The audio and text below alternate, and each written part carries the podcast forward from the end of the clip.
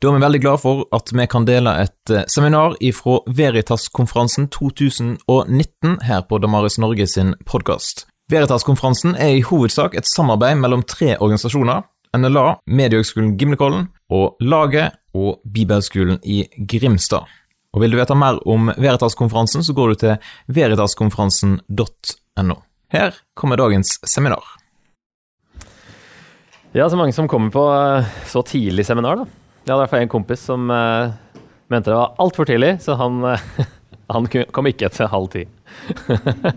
og så setter folk seg på første rad, nesten. Ja, det er for så vidt første rad med benk. Dere er godt uh, oppdratt her, tror jeg. um, ja, jeg jobber på Goit-senteret, som er Nordmisjon søsterskole av Bygg. Eh, og jeg jobber også som bibellærer i Salem menighet, som og er Nordmisjonen i Trondheim. Så skal vi snakke litt om eh, den teksten her fra 2. Timoteus 3, 14-17. Og så er det mange som har med seg Bibel òg. Det er jo kjempeflott. Gjør godt inntrykk, altså. Og eh, den kommer på, tekst, på tavla, eller skjermen, teksten òg. Um, men hvorfor klarer vi oss ikke uten Bibelen? Jeg vet ikke om dere kanskje synes det er et rart spørsmål.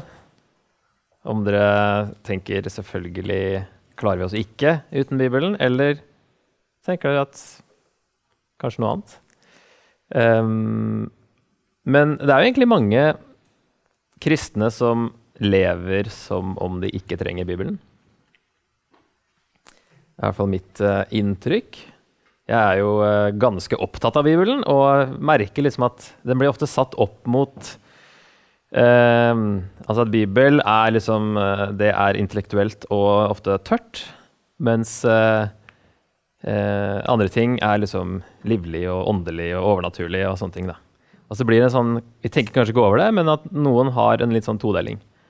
At du må liksom velge mellom å være sånn en som leser Bibelen mye, eller en som, uh, som, er mer opptatt av opplevelser. Jeg vet ikke. Noen har en sånn uh, ubevisst inndeling. Jeg vet ikke om, om dere har det.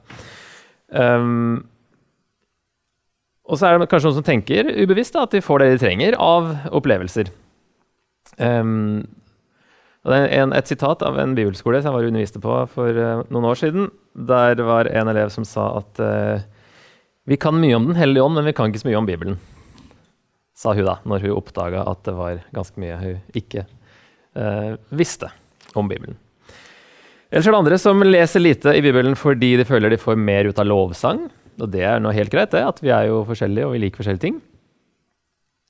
Og Før i tida var ikke det noe problem, fordi da var jo salmene fulle av teologi. Fordi folk ikke hadde Bibelen på sitt språk, eller ikke kunne lese det hele tatt.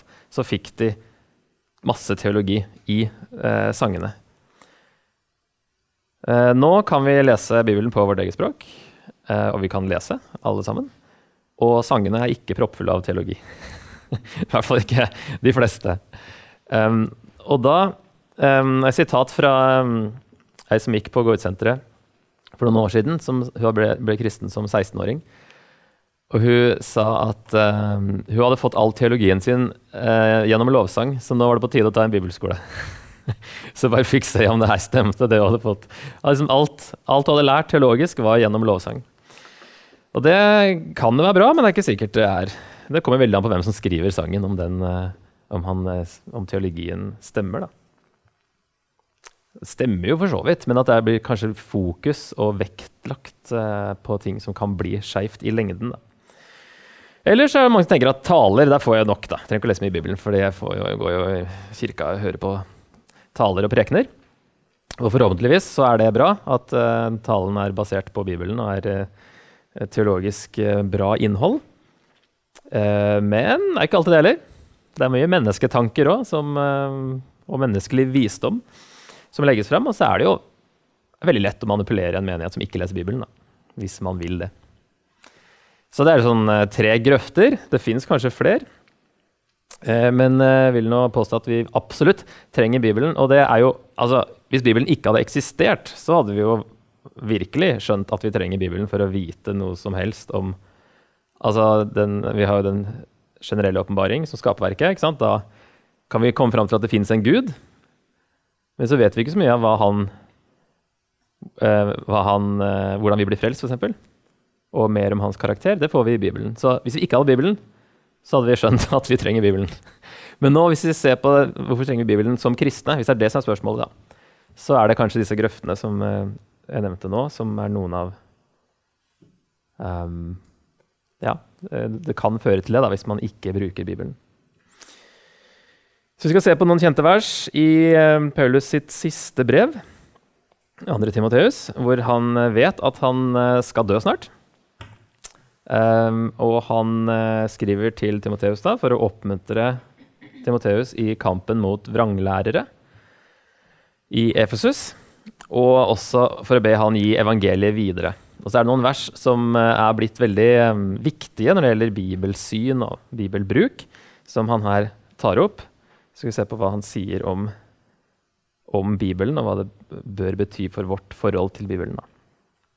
Men litt sånn bakgrunn med denne vranglæren. fordi i, i, versene før vi kommer til teksten det handler om, så fremstilles Timoteus som en kontrast til vranglærerne og at han ikke blir ført vill hvis han holder fast på det han har lært og er eh, blitt overbevist om. Så han snakker en del om eh, hvordan menneskene skal være i de, i de, siste tider, og en lang liste over uh, dårlig oppførsel fra kapittel 3. Og så kommer det 'Men du har fulgt meg i lære og livsførsel', osv. Uh, men du skal, ja, uh, skal se, og ja, onde mennesker um, og svindlere vil gå fra vondt til verre. De fører vill og blir selv ført ville, disse vranglærerne. Og så kommer, begynner jo teksten vår med et 'men', så derfor må vi ha med det som er sagt før. For det er kontrast til disse vranglærerne. Så Timoteus er da 'men du'. Uh, ja, nå har jeg faktisk versene der, ja. De fører vill og blir selv ført vill. Men du skal holde fast på det du har lært og er blitt overbevist om. Du vet jo hvem du har lært det av. Helt fra du var et lite barn, har du kjent de hellige skriftene, de som kan gi deg visdom til frelse ved troen på Kristus Jesus. Hver bok i Skriften er innblåst av Gud og nyttig til opplæring, til rettevisning, veiledning og oppdragelse i rettferd, så det mennesket som tilhører Gud, kan være fullt utrustet til all god gjerning. Ok, Første spørsmål eh, jeg tenkte å se litt på, er når Paulus sier 'hver bok i Skriften er innblåst av Gud'. Hva mener Paulus med Skriften? Når han sier at um, Timoteus har helt fra han var et lite barn, har du kjent de hellige skriftene som kan gi deg visdom til frelse ved troen på Kristus Jesus. Ok, eh, De hellige skriftene som Timoteus hadde kjent fra han var liten, det var jo det gamle testamentet først og fremst. Fordi han var jo halvt eh, jøde, leser vi i eh, Apostelens gjerninger, og halvt greker. Eh, og Paulus snakker om, eh, nevner både ved navn mora til Timoteus og bestemora, som, har, som var jøder, og som har oppdratt Timoteus i skriftene i Det gamle testamentet. Så når han blir kristen, møter Paulus på den andre misjonsreisen, så har jo han et veldig godt grunnlag fra GT til å eh, ta imot evangeliet. Da. Men når Paulus sier at eh, det kan gi eh, som kan, deg, eh, som kan, gi deg, visdom til frelse ved troen på Kristus Jesus. Hvordan kan Gammeltestamentet gi visdom frelse, visdom til frelse ved troen på Kristus Jesus? Det har jo å gjøre med at eh, alt er jo en sammenhengende historie. Eh, med den røde tråden er Guds frelsesplan, som oppfylles med Jesus.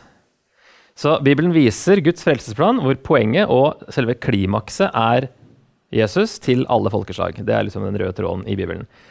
Eh, nå kommer jo klimakset og poenget i Det nye testamentet, men alt i Gammeltestamentet peker fram mot Jesus, og det har jo en åpen slutt. Det er jo masse løfter som blir hengende i lufta når du er ferdig med Gammeltestamentet som Klimaks har ikke kommet ennå.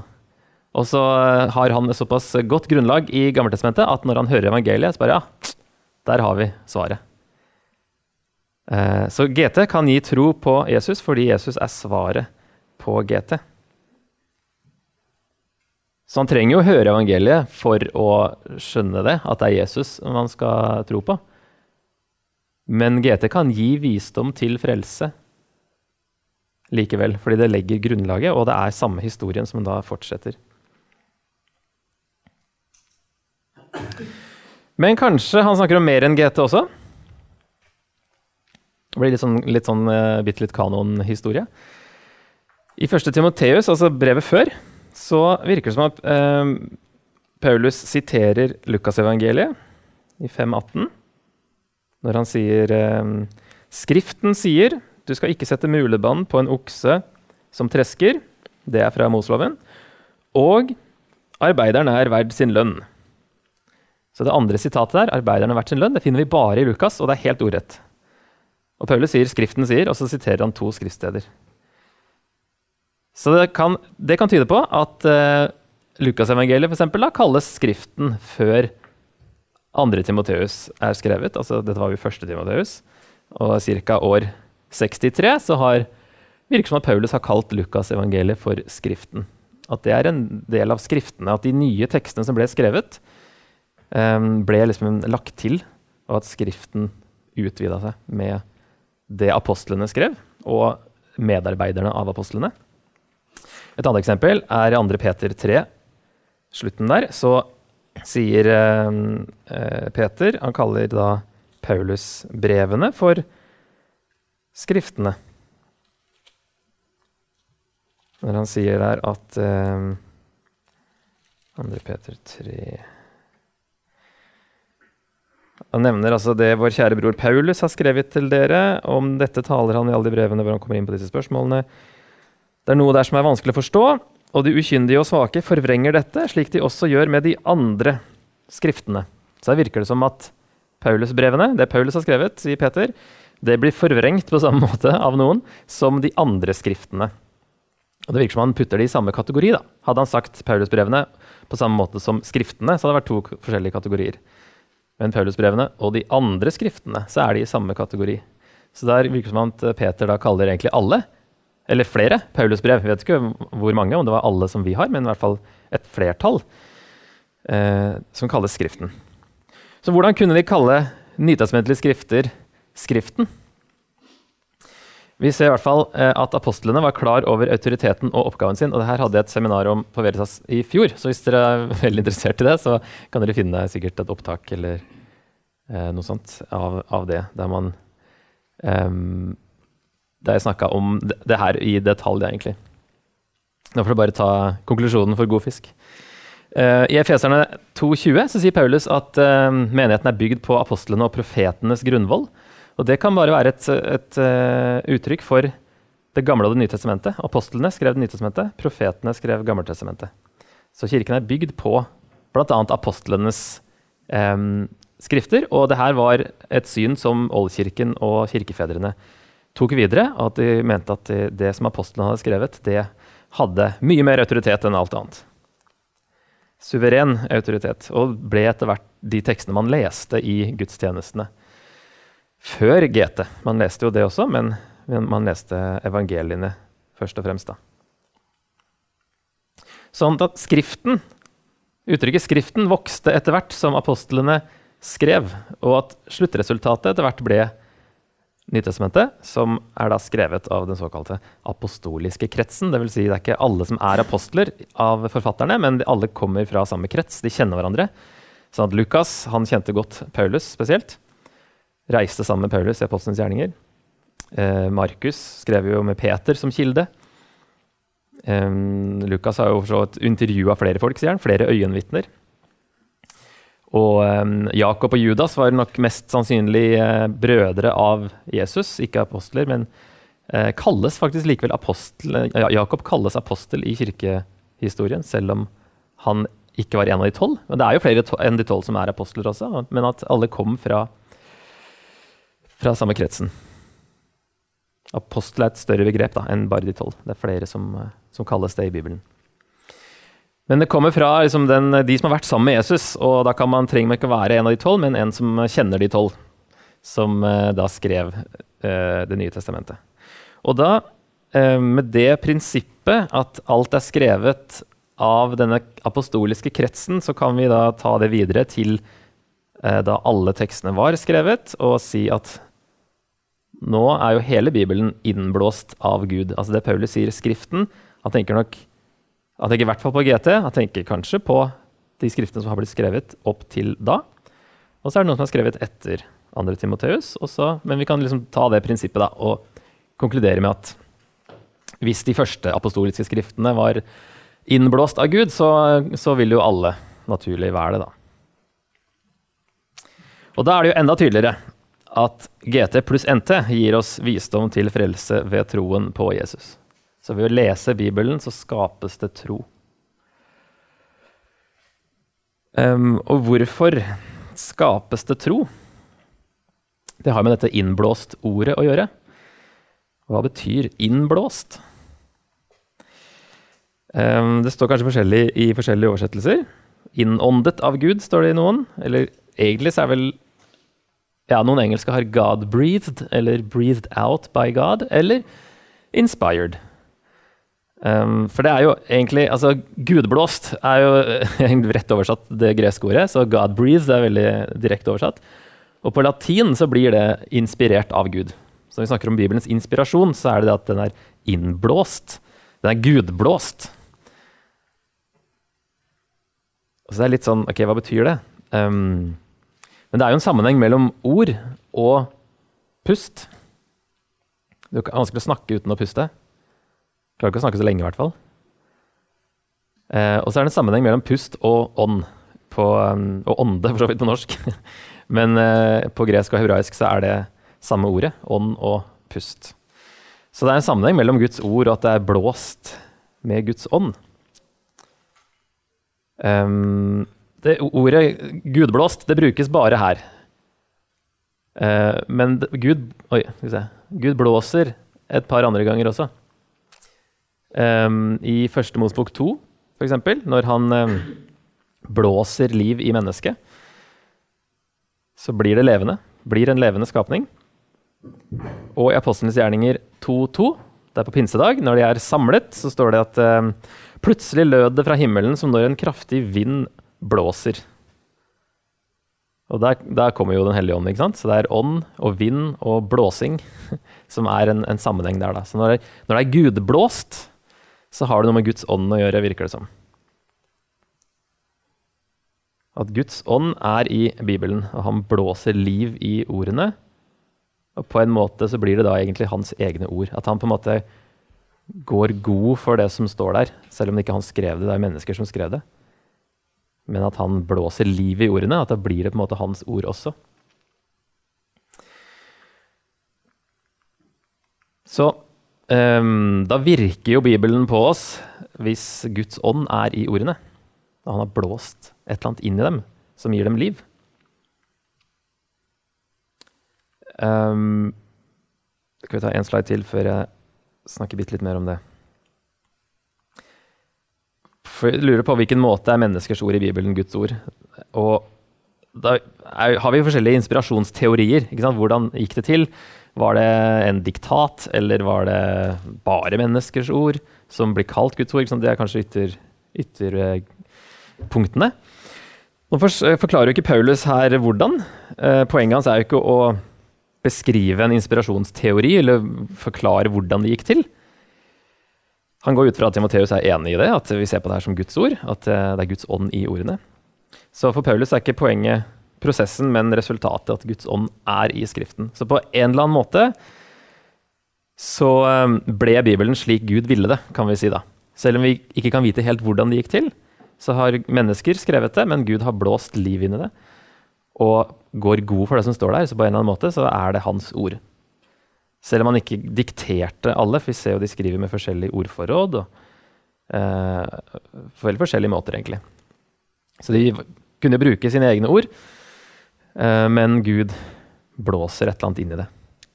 Så Bibelen virker på oss når vi leser den fordi Gud har blåst sin ånd inn i den.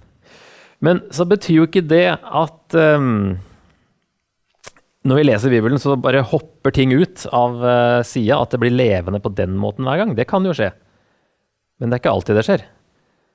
Så det er ikke det jeg mener, at, eh, at hvis vi går hjem nå og skal teste det her, og så skjer det ikke, så, så er det feil.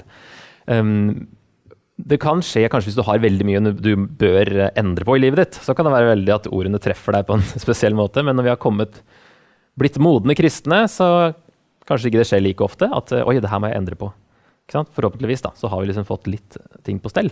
At vi eh, ikke trenger å korrigere livsstilen vår hele veien. Så hadde jeg en kompis som eh, Han var eh, Jeg har en del rare venner. Han var gangster, faktisk. Og kom i, i noen problemer med Bandidos. Og han rømte til Finland, for der hadde han en kjæreste. Og begynte å lese Bibelen der, da. Han vokste opp i kristent hjem da man begynte å lese Bibelen der. Og og følte jo da at det traff han hele veien. Liksom, nå, nå må jeg endre livet mitt. Um, men så kan Bibelen også, hvis vi tenker på Bibelen som Guds store plan, frelsesplan, som leder fram mot Jesus til alle folkeslag, så kan vi jo lese Bibelen som ikke sånn at vi leser for å få et vers som er dagens vers, og som treffer oss, og det er akkurat det vi trenger i dag. Eller sånn der vilkårlig eh, slå opp et sted for å få et svar. Um, hvis vi heller leser det som um, Det forteller oss hva Gud vil med verden, og uh, hva hans plan er, og hvordan vi kan passe inn i den planen, så kan det òg virke på oss på en måte. Kanskje vi får et kall gjennom den måten å lese Bibelen på. Eh, helhetlig lesing, og ikke bare enkeltvers som treffer oss, men at vi skjønner, vi blir bedre kjent med Gud, vi skjønner Guds plan, og vi får retning på livene våre ut fra det. Skjønner dere den forskjellen? Man kan lese veldig sånn ett vers om gangen, eller, eller lese um, hele Bibelen som, en, som, Guds lange historie. Så det er ikke sikkert det taler til oss på samme måte som når et uh, vers bare hopper ut og treffer oss rett i hjertet. Så det er forskjellige måter det kan skje på, er jo poenget, da. Om vi leser historiske bøker i GT, så er det ikke sikkert det treffer oss på samme måte som det Jesus sier, eller det Paulus eh, forklarer, eller det, en salme eller et profetord. Så det er forskjellig litteratur, og det er forskjellig måte det treffer oss på. Um, så sier Paulus at um, Skriften er nyttig til opplæring, annet. Så um, rett og sunn lære det nevnes veldig ofte i 1. og 2. Timoteus som en kontrast til da vranglære. Paulus er veldig fokusert på rett lære. Og Timoteus sin fremste oppgave er jo da å bruke Skriften til å gi sunn teologisk opplæring i evangeliet i menigheten i Efesus. Og derfor trenger han Skriftene. Fordi, det er kanskje selvsagt, Bibelen gir oss den rette læren. Um, så Det er derfor han må bruke den i den situasjonen han står i. Fordi det er mye vranglære. Da finner han den rette læren i Bibelen.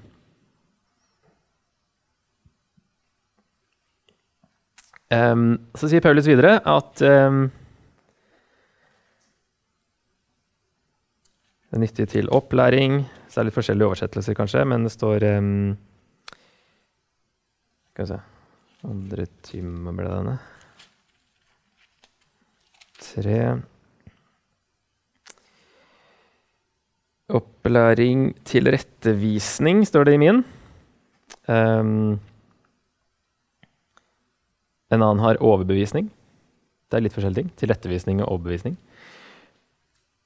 Bibelen er nyttig til tilrettevisning. Altså, uh, her har jo de falske lærerne, uh, vranglærerne misbrukt skriftene til egen og andres skade. Hvis vi leser 1. Timoteus, så ser man hvordan de har uh, misbrukt Bibelen. Da. Så sier Peter, nei, Jesus sier i Matteus 22 at dere farer vill fordi dere ikke kjenner Skriftene, og heller ikke Guds makt. Så kjenner man ikke Skriften, så kan man fare vill. Det henger jo sammen med opplæring og rett lære, men altså Bibelen tilretteviser og viser oss, eh, korrigerer, når det ikke er eh, i tråd med den rette lære. Eh, hvis, hvis ordet overbevisning er eh, brukt i Bibelen, så er det òg riktig, det. At Bibelen er nyttig til overbevisning. F.eks. sier Paulus da tidligere i brevet at 'jeg vet hvem jeg tror på'. Han er overbevist om hvem han tror på. Kjenner den han tror på. Og så sier Johannes, 1. Johannes brev at uh, dette har jeg skrevet til dere for at dere skal vite at dere har evig liv, dere som tror på Guds sønns navn. Så vi kan nå bli overbevist. Um, både tilrettevist og overbevist. Og så sier han videre at den er nyttig til veiledning uh, og rettledning. Forskjellige oversettelser igjen. Fordi Bibelen viser oss Guds vilje, viser oss hva Gud mener om ting, og den viser oss Guds plan.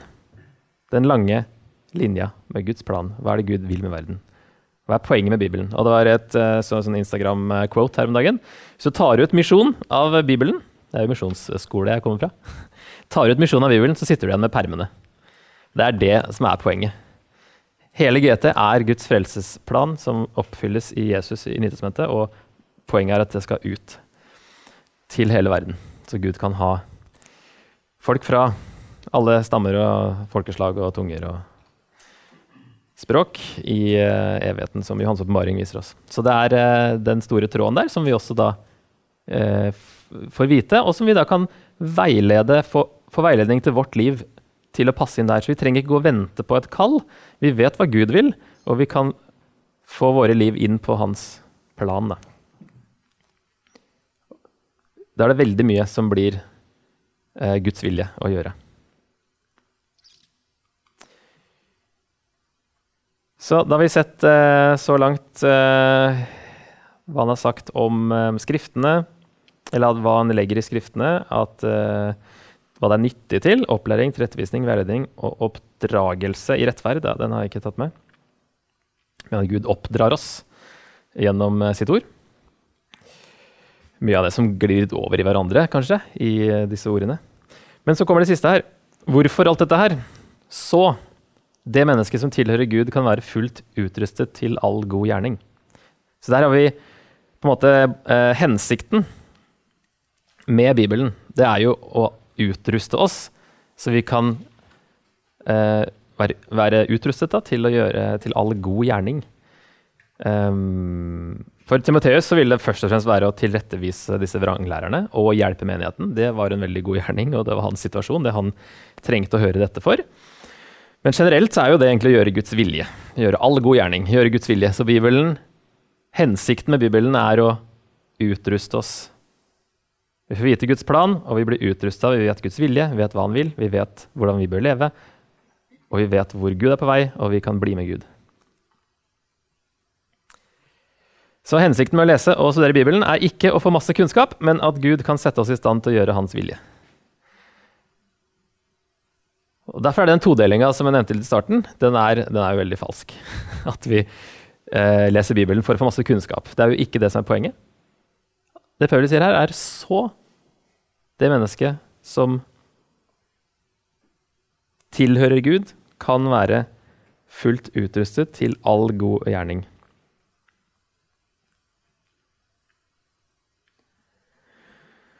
Så når Paulus eh, vet at han snart skal dø, oppfordrer han Timoteus til å være sterk i troen, og spesielt holde seg til Skriftene. Gud virker gjennom dem, slik at Timoteus kan være fullt utrustet til oppgavene, selv om Paulus ikke skulle være der lenger. Skriftene er alt Timoteus trenger. I tillegg til at han selvfølgelig har Guds ånd. Sant? Men her fokuserer Paulus da på dette med Skriftene, og at han eh, finner det han trenger der. Hva bør dette ha å si for vårt forhold til Bibelen i dag? Og da har jeg prøvd å summere opp i noen punkter. Kanskje dere har flere ting. Um, jeg hadde sikkert dobbelt så mange punkter, så prøvde jeg bare å dra det sammen. sånn at det ikke ble alt for mange. Så nå har jeg fin, det fine tallet sju. Um, hva det vil si Hva det bør ha å si for vårt forhold til Bibelen i dag. Så vi, basert på det vi har sett nå, så bør vi tro at Bibelen er Guds ord, og la den være standarden alt måles opp mot. Når det gjelder, når det gjelder teologi, det gjelder lære, og det gjelder for så vidt livsstil også. Det Gud har sagt om etikk òg, er jo da stole på at Gud kjenner oss best og vet hva som er best for oss. Vi bør huske på at Bibelen handler om Jesus, ikke om oss. Og den viser oss Guds plan for verden, men dermed også for oss. Henger du med på den? Um, når vi ikke skjønner helt hvordan en tekst skal tale inn i livet vårt, så er det fordi den teksten ikke handler om oss, men handler om Jesus. I bunn og grunn. Selv om det ikke virker som kanskje der òg, så er det da den store røde tråden er Jesus. Vi er på vei til Jesus uansett.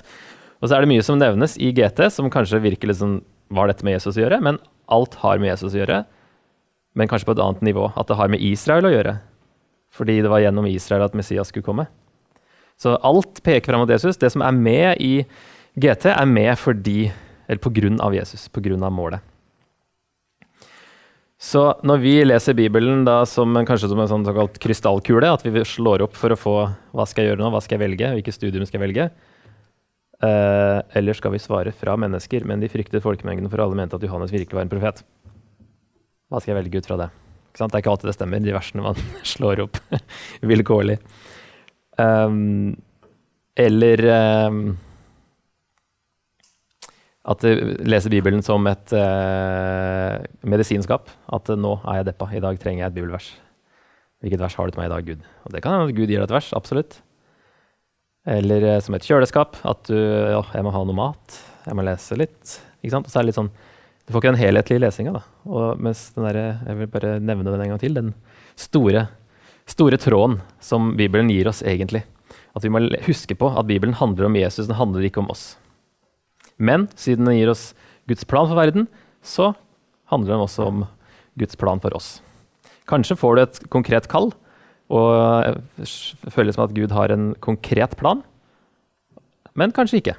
Og da har du likevel Guds plan, og du vet hva Gud vil, og du kan likevel um, vite hva du kan gjøre med livet ditt som vil være i tråd med Guds plan.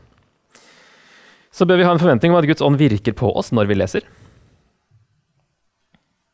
når vi leser åpne Bibelen, at det er um, Ha den forventningen at nå Her er Guds ånd i ordene.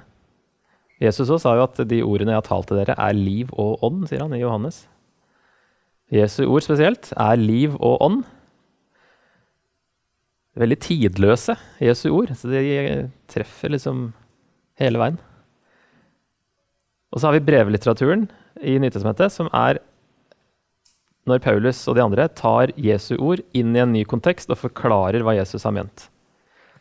Det ser ikke alltid sånn ut, men det er bare to ganger Paulus sier at han sier sin mening. Og det er fordi Jesus snakka ikke om akkurat det her. Da sier jeg min mening om det. Men han sier fra når han ikke henter fra Jesus. Paulus, da. Så alt annet, hvis du, hvis du legger merke til det, og det her snakka faktisk Jesus om, bare på en litt annen måte så har vi egentlig at eh, Paulus og de andre de, de snakker òg om Jesu ord, men setter det inn i spesifikke kontekster. Så vi har Jesu ord og Jesu verk i hele Nytestamentet. Og så har vi det som leder opp mot det i Gammeltestamentet. Så um, alt er liv og ånd, men uh, på forskjellige måter. Og det er jo Jesus som er sentrum, da. Så, så liksom forgreiner det seg ut med brevene som skrives etterpå.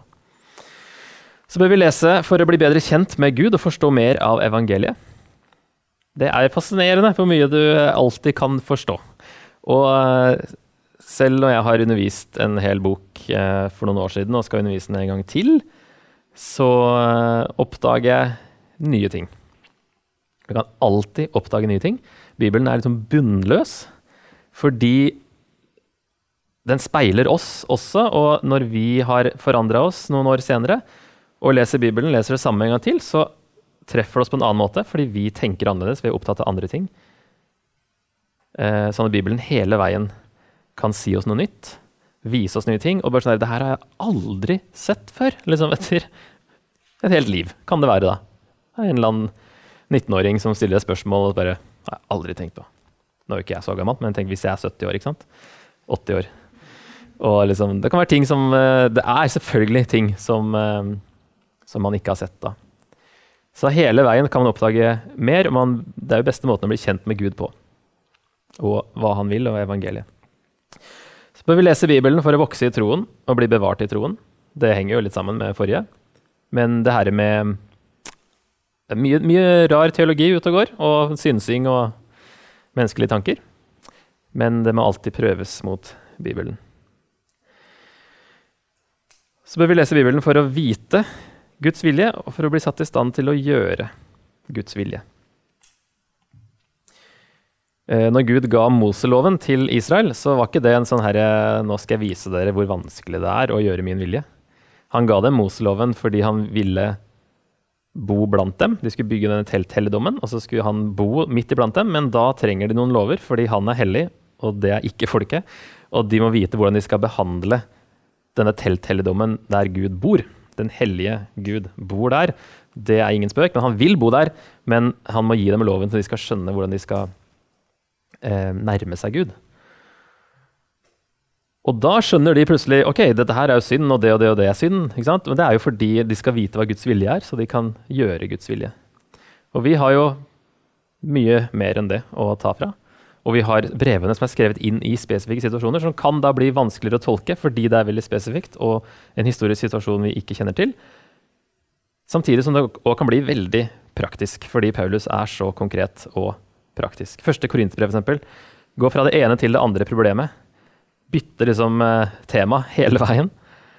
Uh, og da har vi, Det er et vanskelig brev å få helt has på. Det er mye bakgrunn man må sette seg inn i, men så kan det da bli veldig mye nyttig å hente ut fra det, fordi Paulus er så konkret. Tar evangeliet og bruker det inn i situasjoner. Så vi har veldig mye å hente, og det kan hende at vi må bruke litt tid på å forstå det. Det skal vi da forresten ha et, uh, Jeg skal ha et seminar senere, for nå virker alt veldig greit. ikke sant? Veldig enkelt. Og bare lese Bibelen, så er det uh. Men seminaret jeg skal ha, er da hvordan møte vanskelige bibeltekster. Så det er jo helt klart noen av de um, som uh, Hva gjør vi da? Ja, Siste, sjuende, er da at vi bør lese Bibelen med ikke-troende venner, fordi den setter oss i kontakt med universets viktigste person og skaper tro, som Paulus nevnte. Kan gi visdom til frelse.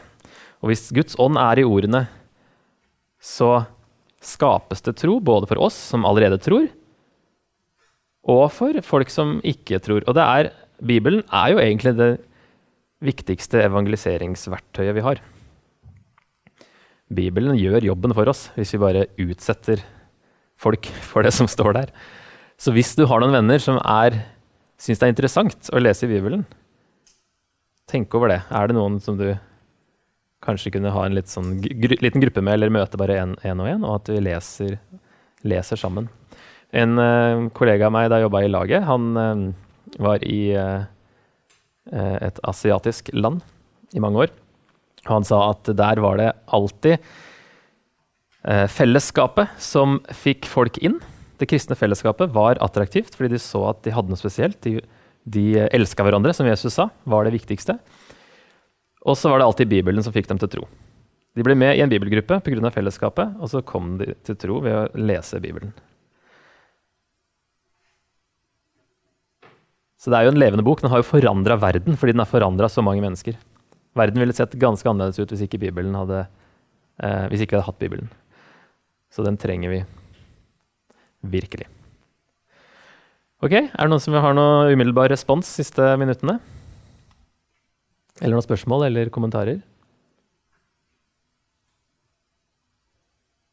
Ja, bak der. Mm. Tror du Paulus refererte til sine egne brev som skriftlig? Han virker i hvert fall veldig um, uh, klar på at det han skriver, det, det, skriver han med autoritet fordi han var blitt kalt av Jesus.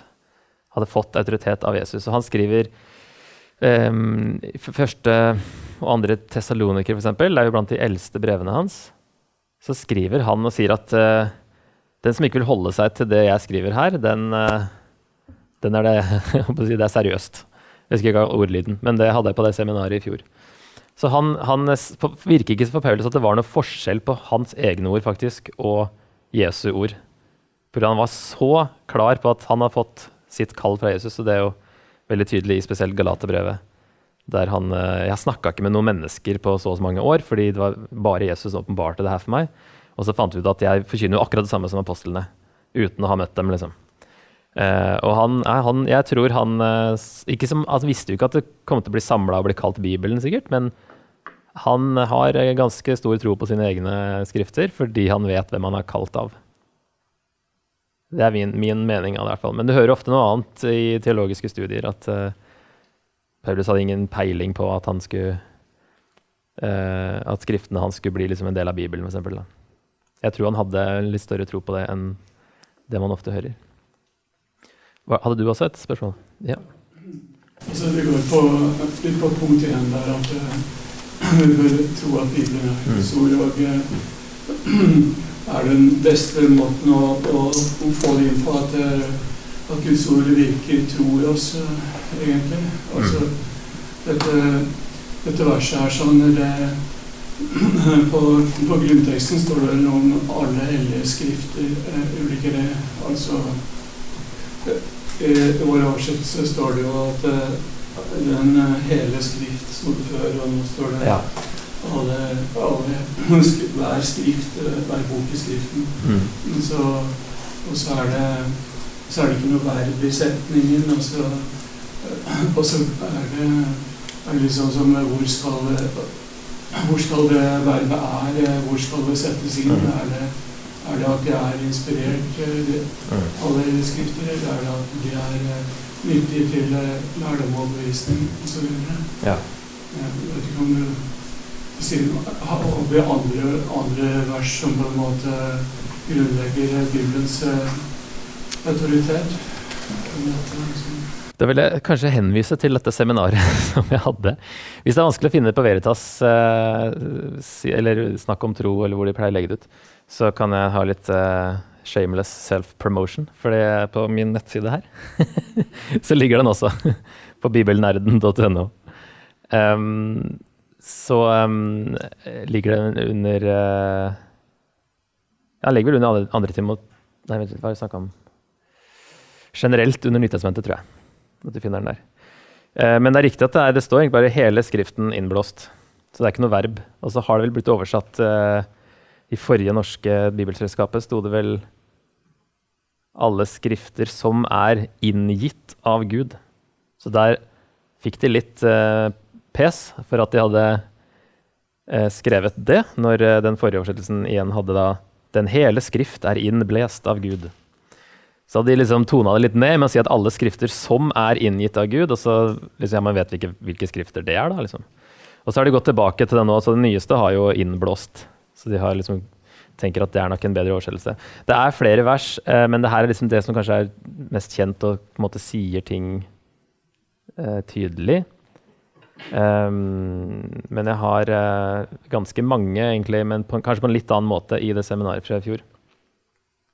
Som vi ikke har tid til å ta nå. Men eh, veldig godt spørsmål, det, altså.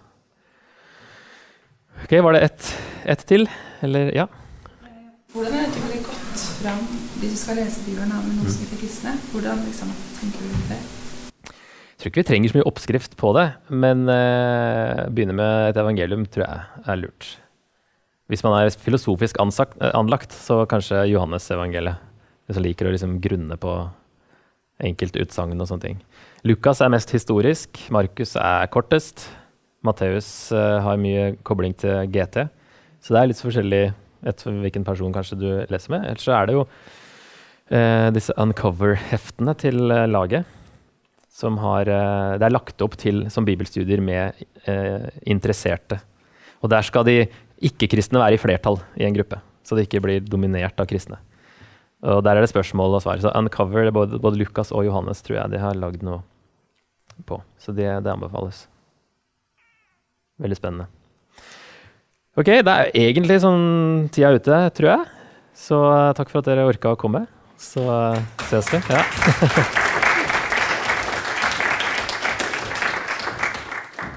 Takk for at du lytter gjennom dette seminaret her. Og skulle du ønske at flere fikk med seg det gode innholdet, ja, da kan du jo faktisk dele seminaret med noen, eller tipse dem om seminaret i sosiale medier.